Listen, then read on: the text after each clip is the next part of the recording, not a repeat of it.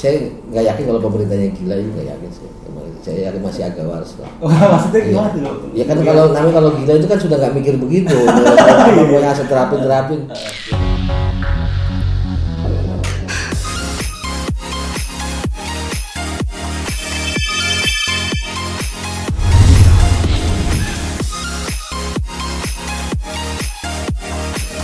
Selamat sore, assalamualaikum warahmatullahi wabarakatuh.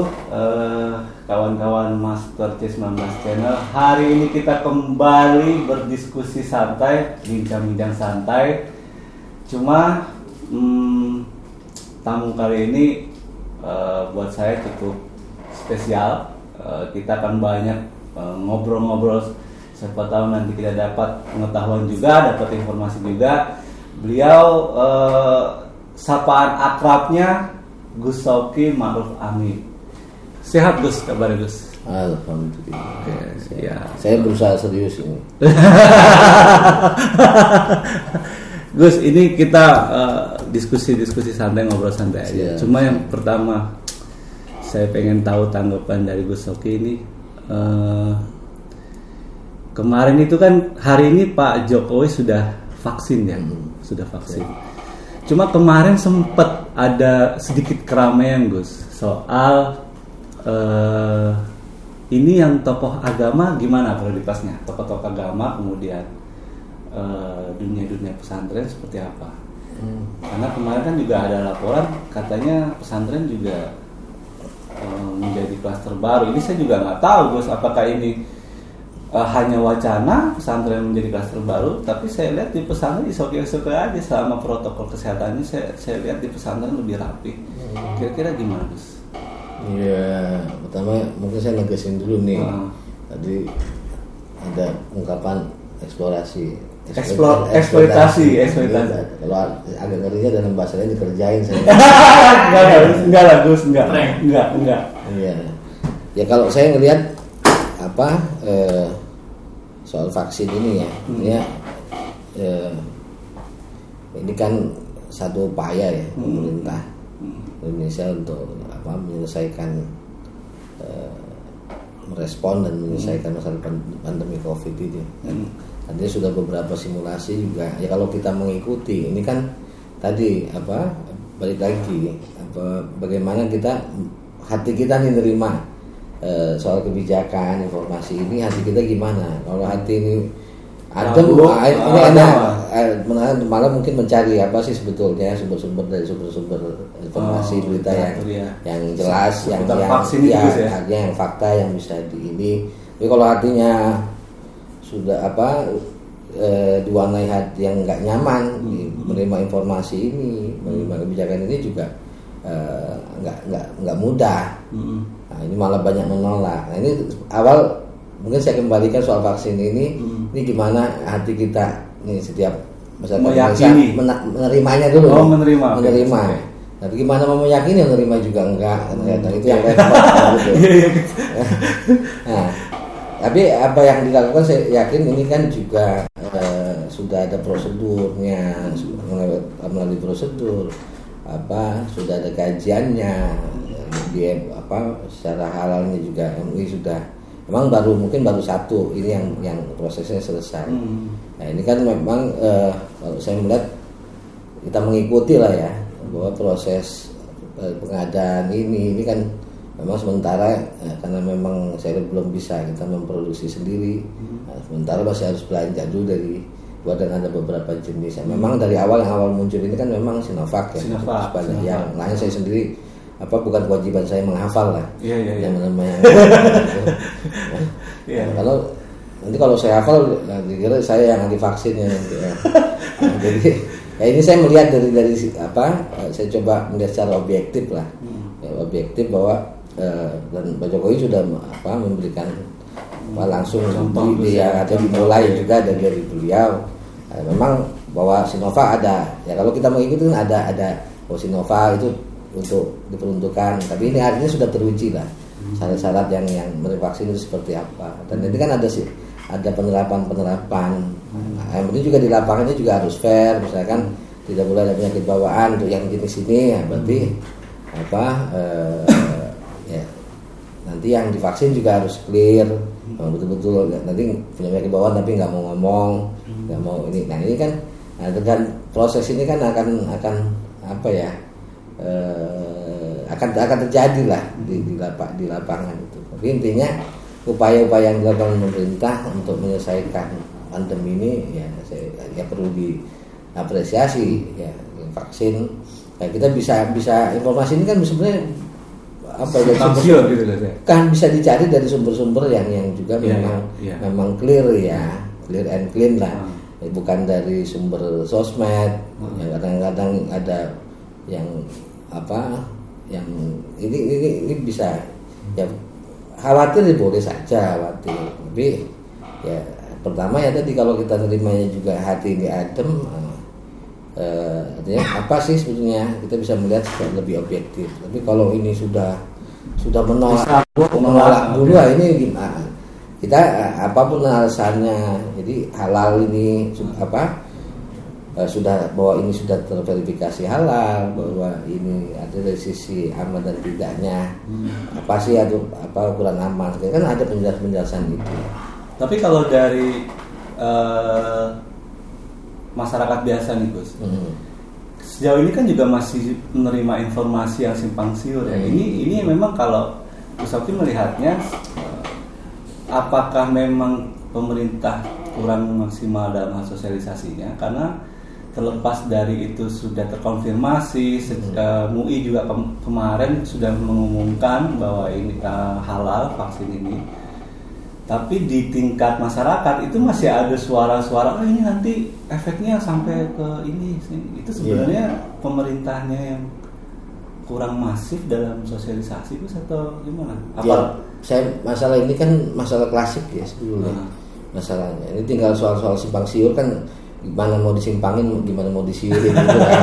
Nah, itu kan apa apa artinya ini ya sekarang kadang-kadang beberapa informasi pun ya orang yang melihat eh, pemberitaan langsung menyampaikan informasi melalui media televisi yang yang clear kan juga juga orang nggak nggak juga fokus sana jadi orang lebih kadang-kadang lebih suka eh, terus merespon informasi yang dia dapat kadang sumber dari sumber yang dan dan langsung diyakini karena cocok dengan hatinya. Itu itu juga dari baik ke hati.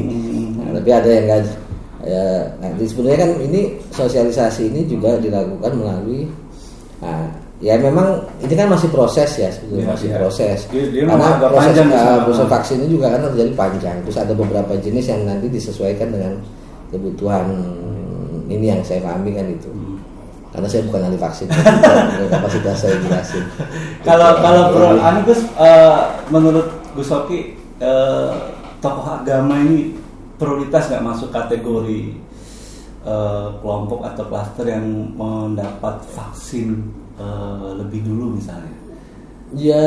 Kalau dari dari dari kalau Gus Oki melihatnya kalau misalnya eh, ini kan sebenarnya juga sempat jadi perbincangan di Hmm. masyarakat. Iya. Kok tokoh agama enggak misalnya? Harusnya tokoh-tokoh agama dulu dong. Setelah misalnya kalau eh, eksekutif jajaran pemerintahan seperti Pak Jokowi, kemudian menteri-menterinya, Hmm. kemudian ada TNI Polri, eh, mungkin eh, ada yang menyuarakan juga memang harus kategori prioritas para para ulama khususnya Iya. yang yang yang eh, pimpinan pondok pesantren Gus. Iya, saya, pikir, saya kan semua prioritas. Hmm. Tapi kan ini ini bicara soal distribusi yang cukup rantai Hmm. panjang. Mungkin yang yang paling mudah dari sisi pemerintah kan eh, distribusi ini kan di di sisi pelayanan publik dulu ya. Oke, kayak yang, yang- gitu ya. ah, rangkaiannya juga juga mungkin sebenarnya kan tenaga pengajian juga termasuk. Prioritas kalau nggak salah. itu. Ya ini biar biar Ya, biar itu- masyarakat tahu. ya, ya, yang ya, sebenarnya ya dicari beritanya yang ini juga ada sih saya juga Hmm. saya juga nyontek dari berita. Itu sebetulnya. Ya, ya kan tiba-tiba saya tahu begitu wah ini ini ngomong terawangan lagi. Saya mau ngomong terawangan tapi nggak boleh sebenarnya. Nah, nanti orang tanya profesinya apa. Eh, Gus ini juga menarik Gus di terlepas. Oke kalau saya rasa itu yang eh, pandangan itu eh, udah ma- apa pe- pemirsa kita juga akhirnya oh seperti ini. Nah ini kan soal pro kontra yang lain Gus misalnya eh, sekolah nih Gus Hmm. sekolah hari ini pemerintah tetap memutuskan daring. Cuma saya punya teman-teman nih Gus yang Hmm. anaknya juga di pesantren. Itu sebenarnya pola pesantren gimana sih Gus ngadepin covid ini pola pembelajarannya? Ini kok saya lihat eh, teman-teman saya itu suka nengok, suka, suka nengok. Ini Hmm. dia udah tatap muka atau bagaimana? Atau memang di pesantren memang harus penekanan di protokolnya atau Ya, inti, intinya protokol lah. Protokolnya ya, ya. saya juga sama punya anaknya di pesantren juga. Hmm. Sama. Jadi temen, termasuk temennya juga. Berarti kan itu memang dia tatap muka Gus? enggak ya artinya gini, dia protokol itu kan eh, tadi kan di, di fikih pesantren ini macam-macam kan. Hmm. Ada yang muridnya ada eh, yang yang muridnya banyak pulang pergi, ada yang enggak banyak yang mungkin. Jadi sekolah ini ada yang full semua bahwa yang yang sekolah itu juga semua memang mukim di di dalam. Biasanya yang yang yang menerapkan sudah apa sudah bermukim itu yang memang sudah eh, lingkungannya sudah tertutup ya memang. Oh, Nah, oke. Dia eks- lebih lebih apa? Artinya lebih memang eksklusif untuk, Ah. untuk kawasan besar satu kawasan itu jadi nggak ke mana-mana santri jadi ngeblok di situ. Tapi kan proses masuk ada eh, pos penye- pos gitu ada, ya, enggak, ya artinya ada pengecekan dulu ini gitu. Nanti juga ada rutin biasanya juga dilakukan eh, dari pemerintah daerah atau ini kan ada, ada untuk pesantren itu sebagian tuh ada untuk pengecekan.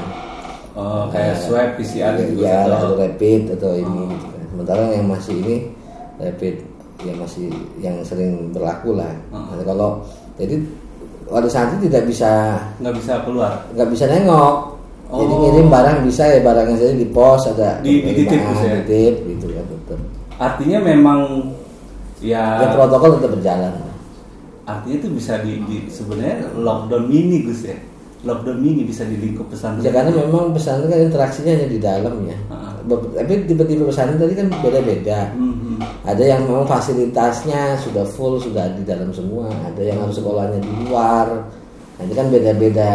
Karakter jadi kita nggak bisa pukul rata eh, pesantren seperti begini gitu. Karena eh, apa kondisi pesantren kan beda-beda tadi dari sisi fasilitas dari sistem belajar nah, ini ada yang bisa diterapkan sudah bisa mungkin tatap muka karena dia tertutup. Jadi sekolahnya di dalam situ ini di situ gurunya di situ makanya di situ. Akhirnya sudah nggak ada interaksi dengan jadi kalau pulang pun dia nanti di ini dulu harus ada apa harus ada pengantar bahwa dia. Oh hasil tes itu Gus? Iya biasanya kalau ada pulang se- sampai ada yang harus pulang tapi diusahakan itu ya mau tidak mau sampai apa tidak bisa tidak bisa keluar. Gitu. Ya, itu art- artinya eh, anu Gus ya berarti pesantren itu juga eh, bisa nggak kalau dikatakan dia mempertimbangkan juga jangan sampai interaksi sosial yang eh, anti santri ini juga jangan terputus gitu kan. Kan resiko dari pembelajaran online ini kan Gus? Ya memang Ya. di pesantren ini apalagi pesantren ya karena inti pembelajaran, pembelajaran pesantren itu kan pembentukan karakter ini paling kenapa harus dia diisolasi? Iya, pembentukan artinya- kebiasaan. Ah. Jadi pembentukan karakter dan kebiasaan dari si santri ini kan terbentuk di kemandiriannya kebiasaan-kebiasaan baiknya gitu. Itu terbentuk kan dilatih di situ. Nah kalau konsep pesantren terus eh, tidak ti- harus tatap muka ya itu ya ya bukan pesantren namanya sebetulnya. Nah, Iya. makanya ini juga sebenarnya kalau apa banyak upaya sebetulnya dilakukan bagaimana eh, karena kemarin sempat muncul beberapa klaster. Di pesantren yang saya yang kemarin sempat juga ngobrol dengan beberapa teman itu yang yang yang yang konsen ya. Ini kan bagaimana eh, pendampingan untuk apa eh, protokol di pesantren ini betul-betul betul-betul terkawal. Jadi supaya pembelajaran pesantren ini tidak tidak esensinya tidak hilang. Hmm, jadi dia dia iya artinya kan kemarin juga ada orang ini kalau kita online terus nih Gus Hmm. ini dunia bermainnya gitu dunia interaksinya dunia kangen-kangen sama temennya itu bisa terbunuh Iya. bisa hilang kan kalau terlalu lama. kita kan juga belum tahu sampai kapan Iya. nih vaksin nah itu apakah tetap menjadi penting Gus interaksi eh, eh, khususnya bagi anak-anak santri gitu ya atau anak-anak di luar eh, sekolah lain gitu. Hmm. Eh, kan wajar Gus kalau misalnya aduh saya sama teman-teman pengen ngobrol Hmm. itu Ya makanya tadi harus di di, di cluster ya. Jadi ada pesantren pesantren sendiri harus di cluster lagi. Tipikalnya beda-beda, fasilitasnya beda-beda. Kalau bicara pendidikan umum itu ya saya pikir memang karena itu kan kalau pesantren yang bisa dengan kondisi fasilitas yang ada, sistem yang ini yang cocok bisa diterapin, kondisinya mampu itu bisa diterapkan. Eh, tidak semua pesantren. Bisa karena cluster. Tapi kalau bicara di tujuan ya sebetulnya ya bukan pesantren namanya. Nah tapi siapa yang mau? Saya pikir yang pemerintah buat kebijakan juga sebenarnya pengen nggak nggak mau gangguin tapi kan situasinya memang Ya, ya, jadi memang ya nggak mau waras ya. Sambil di kopi nggak apa-apa paling paling nggak terlihat waras saya. Ah. jadi apa kalau jadi memang situasi ini ya memang harus kita nikmati dulu dan saya yakin ada fase bahwa ini akan akan berlalu kita kita selesaikan sama sama dan vaksin ini kan nah, ini sebagaimana supaya eh, upaya untuk apa pencegahan untuk apa menghadapi pandemi ini kan juga nah, memang harus segera direalisasikan ya supaya tadi nah, apa eh, semua juga nyaman tenang tidak ada kekhawatiran Hmm. gitu kan Nah, ini kan juga baik juga saya yakin vaksin kan terus dipakai bagaimana itu baik mana Iya, baik terus, baik ya, terus, Ah. terus, pasti. Hmm. Ya, kita kalau kalau protes ngomong kan ya enak gampang ya dia artinya menata sebuah sistem besar ini juga mensosialisasikan mengimplementasikan meng- eh, apa artinya intinya bahwa kita menghargai lah semua upaya itu penting jadi yang penting tadi kuncinya tetap bagaimana cara hati kita Yakin nerima oh nerima dulu yakin itu nggak bisa yakin kalau hatinya nggak Iya, iya, nerima benar. mau diyakinin aja nggak bisa kalau Ini kayaknya sudah ngomong yang anu nih Gus, udah udah ngomong melompat nih kayak ini. Yakin keyakinan ya. Enggak enggak ya tadi mau disimpangin mau disimpangin ya itu terserah yang punya hati ya, gitu kan. Di ngerokok dulu kita. Iya. Saya ini no smoking, no smoking, no smoking. Oh yang dulu. NO ya. NO. NO itu gimana ya? Ada punya kok? Thank you Dede. Itu repot. Hmm. Ini pandemi ini kan mengganggu gitu. Kita nggak bisa sembarangan minum korek sama orang. itu itu men- sudah menyalahi protokol kesehatan. Gus sambil sambil santai nih Gus ya. Tapi nggak apa-apa ya kalau saya juga pengen ngobrol yang lain. Tadi Iya, yang pesantren tadi sebenarnya menjawab ya, Ya, kalau saya sih berusaha menjawab serius ya. Iya. Kalau nggak dianggap serius ya terserah. Iya. Aja. Gus ini kan eh, kalau melihat eh, kondisi terbaru segala macam Hmm. situasi Hmm. negara eh, ini ada gambaran nggak sih Gus dari Gus Oki ya Eh, kira-kira eskalasi di 2021 ini apa udah seperti apa ya Kira-kira Situasinya situasinya negara, negara ngeri nih ngomong. entah itu eh, politiknya. Nah, kan apalagi kan kalau kita bicara yang agak agak apa eh, rasionalitas ya ini kan juga nanti ada efek Gus Iya. efek dari kebijakan-kebijakan Iya. covid segala Iya. macam kemudian eh, pengangguran eh, bertambah kemudian Iya. juga eh, apa roda ekonomi yang tadi yang mungkin pertumbuhan kita Hmm. udah kita prediksi tinggi tiba-tiba Hmm. covid jadi turun jadi anjlok ini kan pasti ngedampak ke mana-mana nih. Gus. Sama, saya juga kena dampak. kita sama-sama kena dampaknya nih Gus. Iya. ada ada sedikit gambaran nggak Gus kira-kira dengan situasi yang terjadi hari ini itu efek berefek Ya, kan, makanya kan sebenarnya tadi upaya sudah mulai ada vaksin ini kan masuk salah satu titik terang. lah. Kalau memanas ya saya, saya yakin akan pa- semakin panas kalau Semakin panas, Gus. dipanas-panasi Kalau dipanas-panasi. panasi kan semakin panas apalagi saling memanasi Jadi dipanas-panasi gitu. saling memanasi Saling memanasi. itu yang bikin panas ya, kalau nggak dipanas-panasi ya ya nggak panas-panas nah, tinggal ya panas itu karena dipanas-panasi. Ya tinggal kita mau manasi apa enggak. Gitu. nah, itu kan balik lagi gitu. nah, masalahnya kadang-kadang kita sih nggak ingin memanasi tapi kalau hati kita panas nah, akhirnya memanasi dan saling memanasi. Ya itu yang bikin situasi panas. Artinya apa yang dilakukan ini kan eh, harus tadi kita kita pemerintah sebanyak pihak. Ini kan juga berkoordinasi dengan banyak pihak kan bagaimana apa untuk mela- melakukan solusi-solusi ya untuk ini ya, situasi ekonomi karena ini kan masalahnya bukan karena sebab utamanya kan memang dipicu terutama di karena sisi kesehatan kan Iya, sisi kesehatan iya, karena krisisnya beda dari Iya, waktu iya, 98 untuk tersebut, kesehatan. Memang ya saya bilang saya juga merasakan sama, semua hampir sama lah. Hampir seluruh elemen bangsa ini hampir merasakan sama. Karena eh, situasinya adalah ya, tadi krisis kesehatan Hmm. yang berdampak ke krisis ekonomi. Dan ini bukan bicara hanya Indonesia, tapi dunia kan. Hmm. Saya lihat malah banyak lebih lebih parah dari dari Indonesia. Iya. Nah, ya tadi ya mungkin yang paling tepat ya waras lah. Jadi waras, waras. Ya waras, waras pikiran, waras hati ya. Nah, ini penting. Jadi ya tadi merespon ini enggak terus jadi kita juga jadi apa yang menjadi opini ini eh, jangan langsung diungkapkan sebagai sebuah fakta juga gitu kan. Nah, ini yang yang akhirnya eh, karena opini ini kan biasanya dari apa yang seadanya kita Ya, terima artinya- terus artinya- kita respon ah.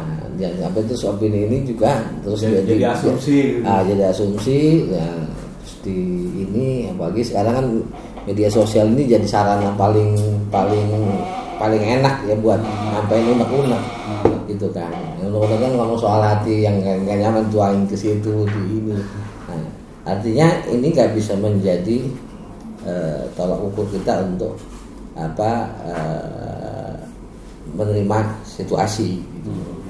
Nah, dari situasi ini kan memang ya, kita lihat upaya sudah ada nah, kita kita tunggu kita tetap berupaya tetap apa bergandeng tangan sinergi hati tetap damai karena gimana mau mau bahagia gimana mau imun kita baik hatinya panas terus Hmm. gitu. Ya, makanya saya sering, saya sering nyampaikan ke teman-teman yang bikin sulit itu bukan situasi tapi pikiran Pikiran. iya kalau kita masih mikir situasi udah berubah jadi situasi ada yang kita mikir Iya, benar, benar. benar. jadi apa ya sudah kita apa yang bisa kita perbuat yang baik yang manfaat Itu yang maslahat ah, gitu kan yang penting kan produktif gitu. gitu, Ya, ya. produktif kreatif ya kan Kalau dan dan satu yang penting jangan jangan apa eh, terus apa ya kecurigaan itu juga jangan jangan membabi buta. Makanya tadi hatinya harus tetap di supaya tadi kita intensitas kecurigaan kita jadi ya kita was was boleh khawatir boleh tapi ya tetap logis tetap tadi ya kita lihat apa yang menjadi yang menyimpulkan yang yang terlalu ekstrim gitu. Padahal ini juga belum masih sebuah proses yang yang dan dan dan tadi proses-proses ini kan ada lihat sih, dari kewajarannya. Dan apa mengambil sumber yang yang yang clear and clear lah gitu. Jadi intinya eh, masyarakat nih sebenarnya ya harus positif positif berpikirnya dulu Gus ya. Dan hatinya dulu harus positif. Harus hatinya Kalau- harus Kalau hatinya nggak positif nggak bisa berpikir positif. Ini pemerintah sebenarnya udah udah anu nggak sih Gus untuk sudah meng, sudah apa ya menghitung bahwa eh, efek ini nanti dia sudah sudah ada gambaran itu belum? Iya, kan ada banyak pakar. Kalau saya kan bukan pakar. Iya kan banyak pakar dari kesehatan ada pakar, jadi kalau banyak pakar dan semua kan dihitung karena ini kan juga jadi kalau pemerintah sendiri nggak nggak hati-hati, nah, itu kan juga jadi bumerang juga. Juga pemerintah just menghitung ini dengan dengan dengan baik lah, mempertimbangkan ini dengan dengan baik. Oh asal-asal ini kan nggak nggak nggak ya ya, saya saya nggak yakin kalau pemerintahnya gila juga nggak yakin sih saya yakin masih agak waras lah Maksudnya Iya. gimana tuh? Ya kan kalau namanya kalau gila itu kan sudah nggak mikir begitu. Pokoknya asal terapin terapin. Ya kan ya nggak begitu lah. Saya yakin kan bagaimana ini ini ada upaya-upaya langkah langkah-langkahnya kan bisa kita telusuri ya. Itu ba- bagusnya anu penekanannya di mana Gus kalau Apanya? pemerintah hari ini Ya, pemerintah- atau Ya kondusivitas kan sudah di, sebenarnya sudah disampaikan, dilakukan. Eh, artinya penyampaian nanti eh, yang yang memang ada memang ada beberapa hal yang belum pas ya monggo yang mengerti jadi jangan jangan opini berkembang liar kan gitu ini kan nggak sampai nggak selesai ini harus ada apa komunikasi yang baik untuk para pak, para pakarnya juga harus harus berkomunikasi apalagi ini tumpang tindih misalnya ada urusan politiknya misalkan. Gitu. saya nggak ngerti politik juga. Iya. Oh, yang, yang yang paling menonjol menurut Gus, eh, Oki kira-kira apa nanti? Eh, kalau lihat efek yang paling menonjol nanti permasalahan kita itu apa? Ya, yang jelas kan kalau kita lihat kan proses vaksin juga proses. Artinya pandemi ini kan masih berjalan. Berarti masih Ya artinya ekonomi ini kan menjadi ekonomi. ya menjadi isu seksi ya. Hmm. Tapi kalau kalau orang melihat ini secara bahwa ini kan masalah krisis ekonomi yang sebabkan masalah kesehatan dan ini global apa kasus global ya Hmm. masalah global ya tadi respon kita menerima ini seperti apa itu Jadi tetap eh, kasarnya eh, kalau dihitung dari kondisi hari ini tetap nanti tahun ini ya masih soal ekonomi berarti gitu ya. Menjelang ekonomi dari tahun-tahun yang kapan juga masih ekonomi, orang nggak punya duit juga masih ngomong ekonomi. Itu efeknya ke mana-mana sih? Kan, tapi kan sebenarnya orang sadar senang itu ukurannya bukan punya duit. Hmm, iya. Senang itu arti- artinya bahagia. Iya, nggak punya duit kalau artinya bahagia. Emang masalah segitu Gus ya? Iya, kalau, kalau hatinya nggak bahagia, Eh, punya duit juga ya nggak senang juga. ini perlu perlu dikutip nih teman-teman ini perlu dikutip ini. Dan Yang itu, itu, hati bahagia. itu kan menjadi menjadi satu kunci imun juga buat kita kan gitu. Nah, yang eh, apa eh, proses bahwa penyebab penyakit paling utama kan tadi imun ya. pikiran, Pikiran. pikiran yang enggak enggak yang enggak enggak dipikirin.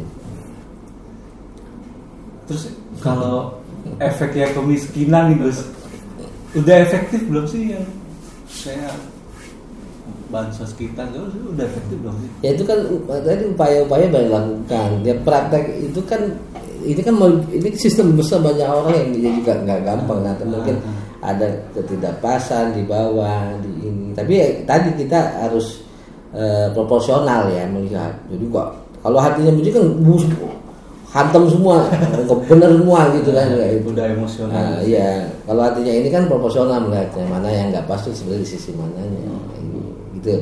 Cara melihatnya kan begitu. Pokoknya gara-gara ini ini jadi salah jadi jadi nggak ada yang benar nggak ada yang benar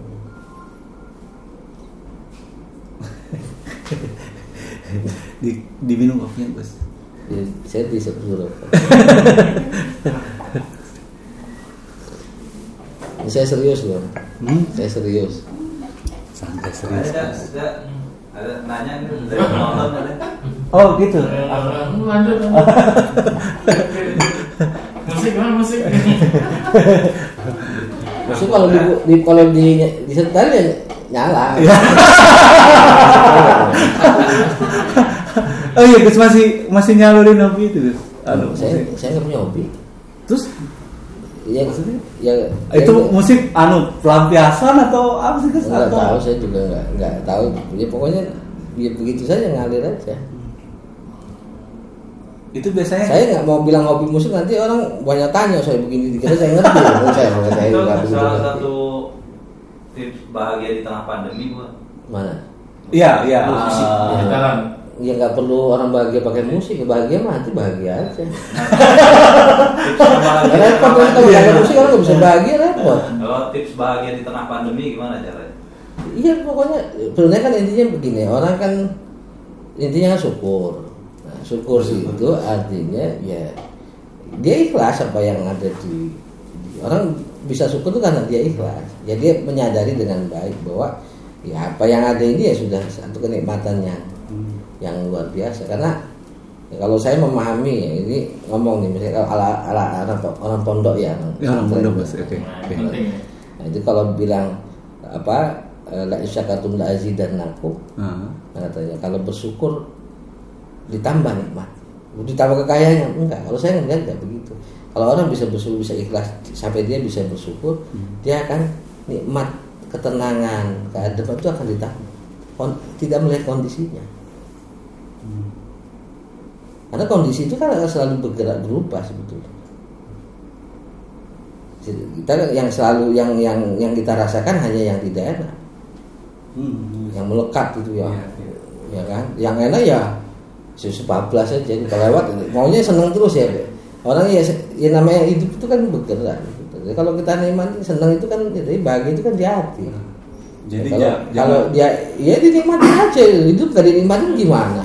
Rugi jadi jangan sampai udah susah gak dinikmati jangan sampai kita malah hidup di luar zaman Gus ya. iya Kasarnya udah, gitu ya. udah susah nggak dinikmati itu saya diri sendiri udah tambahin susah Masih ada gitu ya yang udah susah gak dinikmatin gitu kan. Iya. Kalau udah susah ditambahin susah pikirannya. Ah, iya. Oh, udah temen-temen dia tambah susah. Iya benar-benar benar. Kayak orang kesel sama orang nih. Iya. Orang benci sama orang.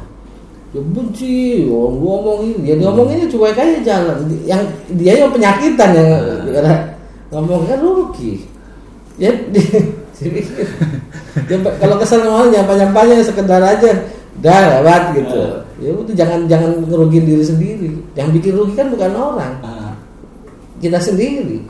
Ta- tapi bener gak sih itu sebenarnya kan sebenarnya kalau soal virus ini kan juga di luar covid ini sebelum sebelumnya juga udah ada yang sangat sangat eh, kategori pandemi ya ini gara-gara sosmed atau apa sih itu sebenarnya akhirnya Ya, kepikiran ya pikiran artinya sosmed juga berpengaruh lah sampai orang mungkin dulu nggak ada sosmed jadi ya banyak yang nggak tahu. Ah. Nah, sekarang banyak orang tahu, banyak orang takut. Tapi kalau saya meyakini ya corona ini memang ada. Ada, Gus. Tapi ya tadi semua penyakit itu ya memang ya karena ini belum di- bisa diidentifikasi. Kalau pemerintah kan punya kewajiban untuk bagaimana masyarakatnya selamat. Ya, nggak boleh disalahkan. Kalau pemerintah diam salah. oh iya Iya kan? Kalau kita nggak percaya, ya silakan. Apalagi Karena enggak. kewajiban kita bukan percaya, kewajiban kita bagaimana menjaga saudara-saudara kita itu. Urusan percaya, iya kan? Ya, yang penting karena daripada ini madorotnya juga tinggi ya kita ikut saja. Ya berusaha waras lah. Berusaha waras jadi harus berusaha waras hari ini untuk itu tips penting tuh untuk ngadepin pandemi eh, covid ya Hmm, saya sendiri masih berusaha belum waras. Ini pe- eh, pertanyaan terakhir Gus. Eh, Kira-kira eh, masalah nasionalisme kita gimana sih Gus ke depan? Iya, saya yakin nasionalisme ini kan kita sebetulnya mau orang yang bagaimanapun masih merasa masih ada walaupun sedikit misalkan ini masih tetap ada. Merasa Indonesia itu sudah artinya sudah ada nasionalismenya. Merasa Indonesia saja. Hmm. artinya kan nasionalismenya ada. Cuman kadang-kadang kalau saya melihat ada ketidakpuasan pada satu sisi pemerintahan kan nggak ada manusia sempurna pemerintah yang sempurna kan artinya tidak semua sempurna nggak ada Nah, jangan sampai satu masalah ketidakpuasan itu menjadi sinisme yang yang luar biasa sampai sinisme kepada eh, apalagi sampai ke ideologi. Ideologi. ya apalagi gitu. Kan ada beberapa yang yang Iya, saya dengar. eh, sampai sampai ke arah sana. Tapi artinya eh, tidak ada pemimpin yang yang sempurna tidak ada pemerintahan yang sempurna. Arti- tapi eh, jangan ini jadi memicu sinisme yang yang melebar. Jadi apa jadi susahnya dibikin sendiri kan tadi karena sinis karena hatinya ini ya sudah apa pun salah jadi negaranya salah. Saya yakin ini juga orang yang mau mengganti Indonesia jadi negara Islam saja tetap saja Indonesia dia. Ya kan? ya, jadi dengan sistem khilafah. Tetap masih ada nasionalismenya. Nah, kan tadi lah kenapa harus diganti? Karena dia meyakini begini, tapi ya tadi itu kan apa yang diyakini ya, salah. Ya, kita mau bilang salah, dia merasa benar, kita yang dianggap salah. Mau tahu salah apa benar, ya tadi harus ngobrol dari apa nah yang. Nah tadi yang penting satu tidak eh, sebenarnya sistem yang ada di kita kan sudah sudah sangat akomodatif ya, Iya, akomodatif. Artinya dari nilai religiusnya ada, jadi apa eh, mengakomodir apa nilai-nilai keagamaan, Iya. ya kan? Juga jadi identitas ini juga tetap diakomodir oleh negara, ya kan? Agama di- dilindungi, menjadi aspirasi juga kan? Ya, menjadi aspirasi nilai-nilainya masuk ke dalam komponen sistem, gitu kan? Nah, jadi tapi apa tadi jangan juga karena ini kita kan nggak hidup sendiri bagaimana kalau Islam sendiri kan bagaimana membangun ke apalagi isi- kalau sekarang kan apa saya memahami ya istilah mo- moderatisasi dalam Islam itu kan membangun keseimbangan apa tawasutia itu kan moderat itu bukan modernisme ya Oke. kalau mo- modern kalau kalau Pondok kan bilang apa ambil yang Islam modernis gitu. Oh, Iya. oh ambil yang Iya ambil ya ambil yang lama yang baik, Baik. ambil terus apa eh, jaga yang lama yang baik, ambil yang baru yang terbaik, kan gitu. Artinya nah ini ini ini keseimbangan.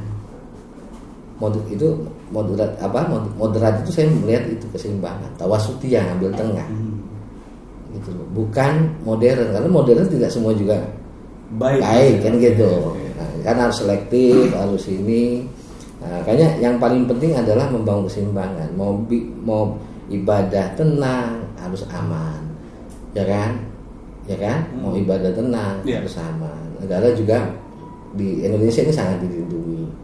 Ya kan? Undang-undang dasar juga melindungi. Di sisi Pancasila semua dari landasan kita semua Tuhan juga melindungi.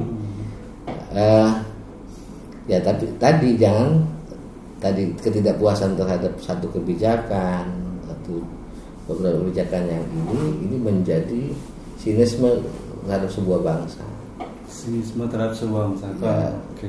Kalau kebudayaan gimana Gus hari ini? Eh, Gus Oki ngeliat nih.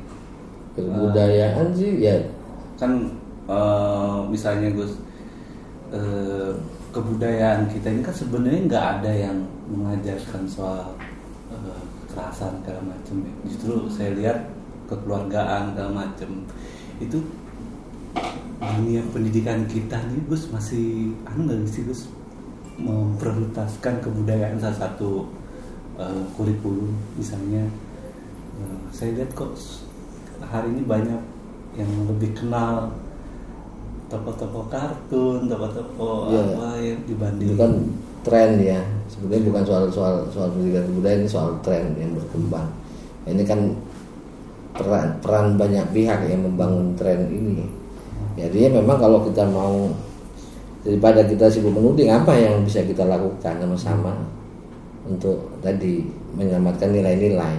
Kalau nilai-nilai pesan-pesan ini bisa dilakukan lewat itu kan mediasi-mediasi ada tradisi kenapa tradisi itu dijaga budaya? Kalau saya melihat kan gini sebenarnya komponennya bersama kenapa orang bikin negara?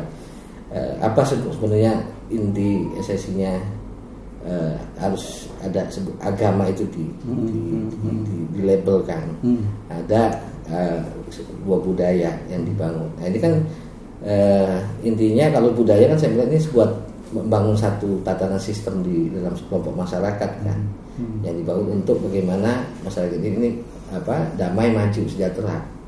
Dibangun sebuah tatanan sistem yang akhirnya menjadi sebuah tradisi. Hmm. Nah, negara pun kenapa orang dibikin negara? Itu membuat satu sistem tatanan. Kenapa agama mengajarkan dengan ini? Ini supaya menjadi satu apa eh, tatanan sistem yang baik untuk masyarakat. Artinya dia harus ya, seimbang ya, ya, makanya kenapa agama diturunkan? Kan sebenarnya tujuannya juga itu Mbak. ya kata Rasulullah kan diutami mama apa makarimal akhlak menyempurnakan akhlak yang mulia. Ya, sebelum disempurnakan dimuliakan dulu akhlaknya.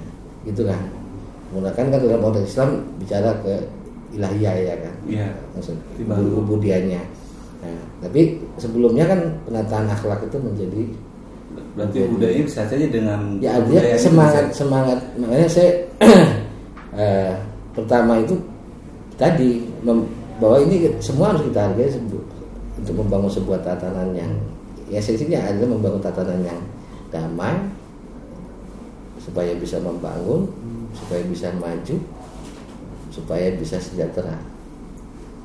Gitu kan? Iya. ya kan? Intinya semua itu yang yang dia basis semua yang kita esensinya. Loh.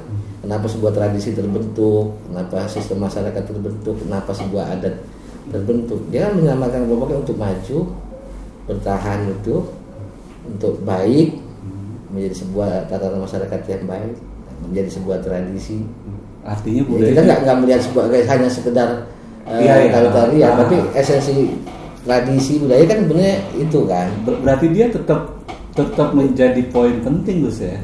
Kebudayaan itu iya iya berarti. artinya kebudayaan nilainya nilainya Nilainya, nilainya. ya kalau itu kan supaya orang lebih kalau bicara ada kenapa kita harus ada tradisi tarian kita nggak melupakan jadi ada dia ada pesan-pesan nilai yang yang para leluhur itu dulu Iya. uh, menyampaikan jadi supaya kita nggak lupa Iya betul. Nah, jadi pakem itu selalu dilihat. Jadi itulah bagaimana menjaga keseimbangan. Gitu Ber- kan. Bisa bisa nggak kalau kita ambil tarik poin satu lagi nih, eh, berarti agama juga sebenarnya menyem- menyempurnakan kebudayaan, bisa? Ya, eh, agama itu kan juga membangun sebuah tradisi. Tradisi. Iya, Oke. membangun sebuah tradisi yang, yang tadi yang tadi kunci esensinya kan sama tuh. Hmm. Membangun sebuah tatanan yang yang baik. Nah, tapi kalau di kita sebagai orang muslim, karena Rasulullah menyampaikan beliau diutus diutamima, menyempurnakan akhlak yang. Jadi bukan jadi sebelum se- disempurnakan bagaimana akhlak ini menjadi baik. Jadi membangun tatanan yang baik. Dan disempurnakan konsepnya kepada kita kembalikan. Ya kalau konsep Islam kan minallah Ya. ilallah lillah gitu kan ilah jadi dari Allah bahwa kita yang dari Allah penyempurnaannya ke situ. Kepada kembali kepada Allah. Nah, semua itu apa yang kita lakukan karena Allah. Yang gitu. Iya. penyempurnaannya di situ.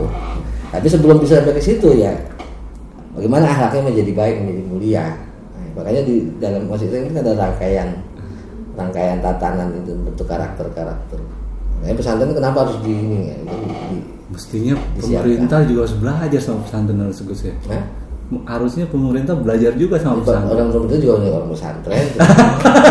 Jadi sebetulnya, tapi kan ini sebuah sistem yang sangat besar gitu loh. Negara ini Indonesia ini geografisnya juga Iya, kultur beda, kultur ya. berbeda. Artinya bisa membangun. Nah, makanya konsep modernisasi juga jangan disalahpahami. Jadi moderat itu modern tidak. Hmm. Modern itu juga sesat bisa bahaya. Modernisasi gitu Gus ya. Modernisasi Moderat beda. ada yang harus dimodernisasi itu mengambil yang hal-hal yang baik yang Baik, yang modern ah, yang baru ah, ah. itu dimodernisasi tapi tidak semua di harus juga dimodernisasi Hmm. Gitu kalau ada yang ini nilai tukarnya ini lebih buruk ya jangan yang nah, ini yang mendingan yang lama yang terjadi ya. ini bang moderat ini yang penting tapi orang kan memahami moderat kalau saya melihat secara umum Modernisasi Gus. iya Oh. Ya, ya, moderat itu makanya kalau di di silah di kalangan santri kan itu ya moderat artinya tawasud itu tengah keseimbangan Hmm, Keseimbangan. nah Moder- modernisasi beda. Ya, Beda. oke. Sebenarnya Gus ini udah cocok jadi politisi. saya nggak ngerti politik ya, Ah, eh, 2024 mau maju? Sama- saya dari juga maju terus Maju, maju. maksudnya masa mundur Gus ya? ada satu saya sering ingetin teman-teman Gus. yang paling penting kita itu jangan berpikir maju dengan cara melangkah mundur Jangan berpikir maju dengan cara, cara melangkah mundur melangkah mundur. Nah, ya kapan majunya Ini Kita. kuat menarik nih, kuat menarik dari. Pak. dari Soki ini. Sebelum di diskusi kita akhir Gus ada closing statement nggak dari Gus Soki ya ya paling tidak buat uh, teman-teman nanti yang ngelihat link YouTube ini misalnya ada pesan-pesan yang ingin ya kasarnya closing statement penyemangat lah atau apa Gus atau pandangan yang membuat kita terus berpikir positif atau Ya, ya kalau saya cuma pesan gitu, Pak. Eh, itu juga saya tuangin sebenarnya di lagu saya. nah kan Gus itu kapan nanti Iya. Gus nanti mau Saya kapan aja itu lagu keluar semaunya saya. nah, maksudnya kapan-kapan siapa tahu mau mau di itu Gus di jadi, benar itu harus baik, benar itu harus baik, baik itu harus benar. Mhm. Jadi benar itu ya hal yang kita yakini benar juga harus disampaikan secara baik. Apa yang kita yakini baik juga harus disampaikan dengan cara yang benar. Ada harus sistem harus dihargai, kesantunan di ini ya supaya tatanan ini menjadi lebih baik dan kita jangan sampai kehilangan dari diri kita sebagai bangsa yang mampu men- menata apa tatanan yang baik dengan cara santun. Begitu itu itu inspirasi sebenarnya kesambet aja. Itu kesambetnya malam atau siang Gus atau sore? Baik teman-teman itu tadi eh, bincang-bincang santai sama eh, Gus Sauki Marfamin. Eh, kita banyak banget eh, mendapat masukan dari beliau. Eh, kemudian eh, mudah-mudahan dengan bincang-bincang santai ini kita semua tetap berpikir positif. Eh, tadi apa satu lagi Gus menerima Gus ya, menerima dulu ya tadi ya. Apa Yakin, yakin ya, yakin dulu menerima Apa? yang soal ya pokoknya Ikhlas. menerima dengan senang dulu menerima dengan senang.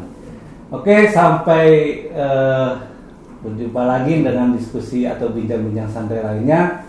Terima kasih. Assalamualaikum warahmatullahi wabarakatuh. Selamat sore, selamat malam, selamat siang, kapan pun teman-teman yang eh, membuka link YouTube ini. Terima kasih. Assalamualaikum warahmatullahi wabarakatuh Terima kasih Gus. Ya, siap.